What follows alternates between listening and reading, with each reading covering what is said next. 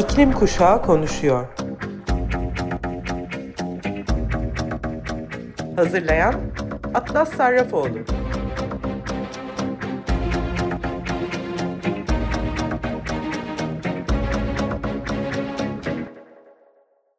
Hepinize merhaba Sayın Açık Radyo dinleyicileri. Her cuma günü saat 14'te yayınlanan İklim Kuşağı Konuşuyor programına hoş geldiniz. Geçtiğimiz haftanın en önemli iklim etkinliklerinden biri biliyorsunuz pre-COP yani COP öncesi anlamına gelen Bonn'da yapılan iklim müzakereleriydi. Özellikle iklim krizinden en çok etkilenen bölgelerden katılan iklim aktivistleri etkinliklerde seslerini sık sık duyurmaya çalıştılar yine. Bonn'daki iklim zirvesinde müzakereciler birbirlerini yetersiz eylemlerinden dolayı suçladılar. Bonn'daki iklim müzakereleri son iki haftada kaydedilen yavaş ilerlemenin yarattığı hayal kırıklığı ile 15 Haziran'da sona erdi. Bu görüşmeler yılın ortasında önemli bir an olarak görülüyor ve Kasım ayında gerçekleşecek iklim zirvelerinin tonunu belirliyor. Bond'a kararlar alınmıyor ancak COP'ların gündemini belirlemek ve ülkelerin pozisyonlarını belirtmek için bir fırsat oluşturuyor. Bon görüşmelerinde küresel emisyonlar, durum değerlendirmesi, adaptasyon, kayıp ve zarar ve finans gündemdeydi. COP28 Başkanı Sultan Al-Jaber'in geçen hafta Bon'a gerçekleştirdiği ziyaret hem COP Başkanı hem de ulusal petrol şirketi ADNOC'un CEO'su olarak üstlendiği role ilişkin incelemeler devam ederken gerçekleşti. Bon'da müzakereciler birbirlerini suçlama oyunu oynarken birbirlerini yetersiz eylemlerinden dolayı suçladılar. Bond'daki iklim görüşmelerinde başlıca şu konular öne çıktı. COP28 Başkanlığı Sultan Al-Jaber delegasyon başkanlıklarına yaptığı bir konuşma sırasında tüm fosil yakıtların aşamalı olarak azaltılması ihtiyacından açıkça bahsetti. Ancak bunun için bir zaman çizelgesi ya da plan ortaya koymadı. Bazı uzmanlar bunun başkanlığın COP28 vizyonunu ortaya koyması ve Dubai'de nelerin başarılacağına dair bazı beklentilerin belirlenmesi için kaçırılmış bir fırsat olduğunu söylüyor. Küresel emisyonlar durum değerlendirmesi.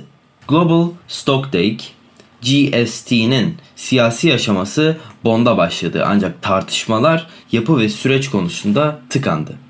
Taraflar COP28'de GST'nin siyasi sonucunun ne olması gerektiğine karar verecekler. Kayıp ve zarar. Santiago Ağı, Kayıp ve Zarar Fonu ve Glasgow diyaloğu tartışılan konular arasındaydı. Santiago Ağı'nın ev sahibi konusunda bir karar alınması bekleniyordu. Ancak bu gerçekleşmedi. Taraflar Birleşmiş Milletler Afet Riskini Azaltma Ofisi veya Karayip Kalkınma Bankası olmak üzere iki aday üzerinde henüz anlaşmaya varamadı. Greenpeace'in zengin hükümetlere karşı ve zararı finanse etmek için fosil yakıt şirketlerinin karlarını vergilendirmeleri çağrısında bulunmasıyla birlikte yenilikçi finansman kaynakları da tartışma konusu oldu. Gündem anlaşmazlığı Taraflar konferansın sondan bir önceki gününe kadar bir gündem kabul edemedi. Anlaşmazlık noktası AB'nin azaltım çalışma programının gündeme dahil edilmesini önermesinin ardından ortaya çıktı. Benzer düşünen ülkeler ve diğerleri finans konusundan dahil edilmesi gerektiği gerekçesiyle de bunu kabul etmedi. Bu anlaşmazlık gelişmekte olan ülkeler ile gelişmiş ülkeler arasında herhangi bir konunun öncelikli olduğu konusunda daha geniş bir çekişme olarak görülüyor ve gelişmekte olan ülkeler finansman olmadan azaltımın masada olamayacağını söylüyor.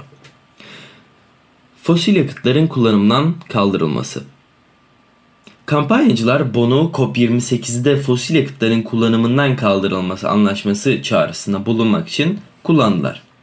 İkinci hafta düzenlenen bir basın toplantısından konuşan Erik Nyunga ve Greta Thunberg gibi genç iklim aktivistleri küresel ısınmayı 1,5 derecede sınırlamanın ancak fosil yakıtların kullanımından kaldırılması anlaşması ve yenilenebilir enerji kaynaklarının arttırılmasıyla mümkün olabileceğini söyledi. COP29 Doğu grubu 2024'teki COP29 için bir ev sahibi üzerinde anlaşmaya varamadı ve öneremedi. Bu nedenle yer, yer belirsizliğini koruyor.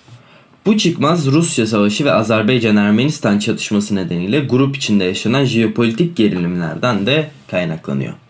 Karar şimdi Dubai'de yapılacak COP28'de verilecek. Eğer çıkmazsa devam ederse Bona ertelenebilir. IPCC toplantı öncesinde e, birçok kişi IPCC sentez raporunda IPCC AR6 yer alan son uyarıların iklim politikası ve eylemlerini destekleyeceğini umuyordu. Ancak bunun aksine bazı gelişmekte olan ülkeler panelin kapsayıcılığını ve bulgularının sağlamlığını sorguladı. Uyum finansmanı, küresel uyum hedefi. GGA konusunda çeşitli çalıştaylar düzenlendi. Yani Global Goal on Adaptation. Finansman ve adaptasyonun GST ile nasıl ilişkilendirildiği konusunda sorular hala devam ediyor. Bu hafta yayınlanan bir rapor 26 zengin ülkeden sadece 10'un uyum finansmanı hedeflerine ulaştığını gösteriyor.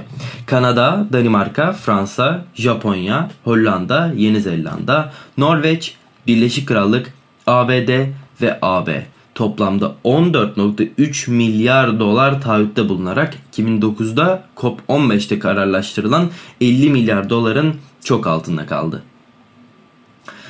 16 ülke uyum için mali taahhütte bile bulunmadı.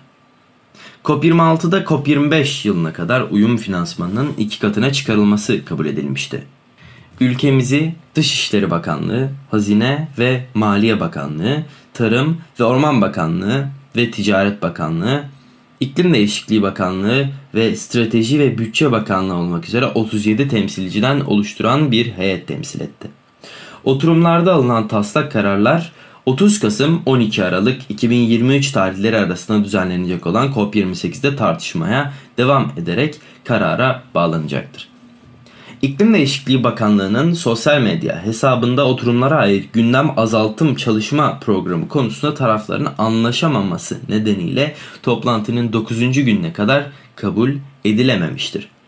Ajanda resmi olarak kabul edilinceye kadar istişareler gayri resmi şekilde yürütülmüştür diye not düşülmüş. Bond'daki müzakerelere katılan iklim aktivisti arkadaşım Yusuf Baluh şöyle anlatmış. Yusuf Barışistan'dan Londra'ya sığınmıştı. Kolektif eylemin gücüne ve olumlu değişimi etkileme gücüne inanıyorum. Umarım bu konferansta yarattığımız ivme gelecekteki iklim müzakerelerine daha fazla kapsayıcılık ile artacaktır. Uzun süredir ötekileştirilen ve duyulmayanların sesine hak ettikleri platformun verilmesi esastır. Aktif olarak katılma ayrıcalığına sahip olmasam da bu eleştirisel tartışmaların yaptığı ortamlarda bulunarak sahip olduğum ayrıcalığın farkındayım. Seslerini yükseltmek için aynı fırsat verilmeyen pek çok arkadaşım ve sayısız kişi için kalbim ağrıyor. Bu alanlarda bulunma ve kaygılarının ve bakış açılarının kabul görme ayrıcalığına sahip değiller. Engelleri yıkmak için yorulmadan çalışmalı ve tüm seslerin yalnızca duyulması değil, aynı zamanda kolektif geleceğimizi şekillendiren karar verme süreçlerine entegre edilmesini sağlamalıyız diye de ekliyor. COP28'e kadar belirlenen gündemler Kasım sonuna kadar aktivistler tarafından talepler alarak gündeme geldikçe ben de sizlerle paylaşıyor olacağım. Yaz aylarının ilk verileri gelmeye başladığı ilk veriler Haziran ayı sıcaklıklarının uzmanların önemli ısınma etkisine neden olacağını söylediği El Niño öncesinde rekor seviyelere ulaştığını da gösteriyor. Haziran ayında alınan küresel ortalama sıcaklık verileri 1979 yılından bu yana aynı ay için daha önce kaydedilen seviyelerden neredeyse 1 derece daha yüksek. Ay henüz tamamlanmadığı için yeni bir Haziran rekoru kırılmayabilir ancak iklim bilimcileri bu senenin 2016'yı geride bırakarak kaydedilen en sıcak yıl olarak adlandırılma eğiliminde olduğunu ve küresel ısınmanın güçlendirdiği bir deseni takip ettiğini söylüyor.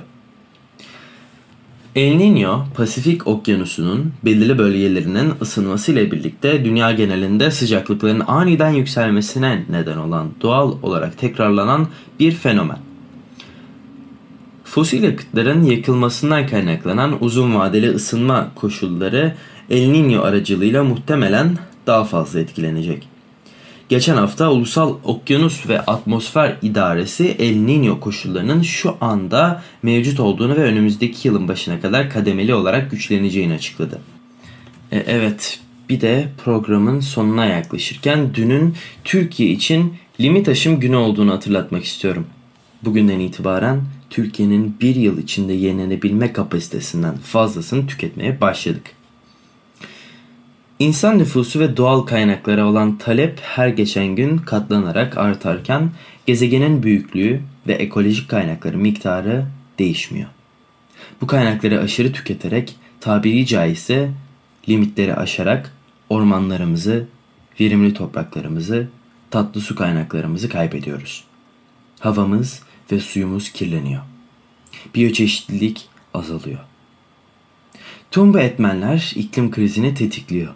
Öngörülenden çok daha hızlı bir şekilde gerçekleşen iklim krizi ise aşırı sıcaklık ve kuraklık, orman yangınları, aşırı iklim olayları gibi doğal olmayan olaylarla etkisini giderek daha çok hissettiriyor. 2030 yılına kadar tamamlanma konusunda evrensel uzlaşı sağladığımız sürdürülebilir kalkınma amaçları arasında yer alan küresel ısı artışını 1,5 derecede tutma, karbon emisyonlarını yarı yarıya azaltma sözleri limit aşım gününü ileri bir tarihe öteleme konusunda da bize bir yol haritası sunuyor. Küresel ayak izi ağına göre limit aşımını her yıl sadece 5 gün ileriye atmayı başarabilirsek 2050'de bir yılda tek bir gezegenin sağladığı kaynaklar bize yetebilecek. Örneğin fosil yakıtların yakılmasından kaynaklanan karbon emisyonlarını %50 azaltmak limit aşım gününe 93 gün kısabilecek. 5 ana alanda yani dünya, şehirler, enerji, gıda ve nüfus konusunda sürdürülebilir çözümler ürettikçe limit aşım günlerini ötelemek elimizde olacak. Ben Atlas Sarrafoğlu. İklim Kuşağı Konuşuyor programını dinliyorsunuz. Haftaya görüşene dek kendimize ve gezegenimize iyi bakın. Programı kapatırken sizin için seçtiğim şarkıyı çalıyorum.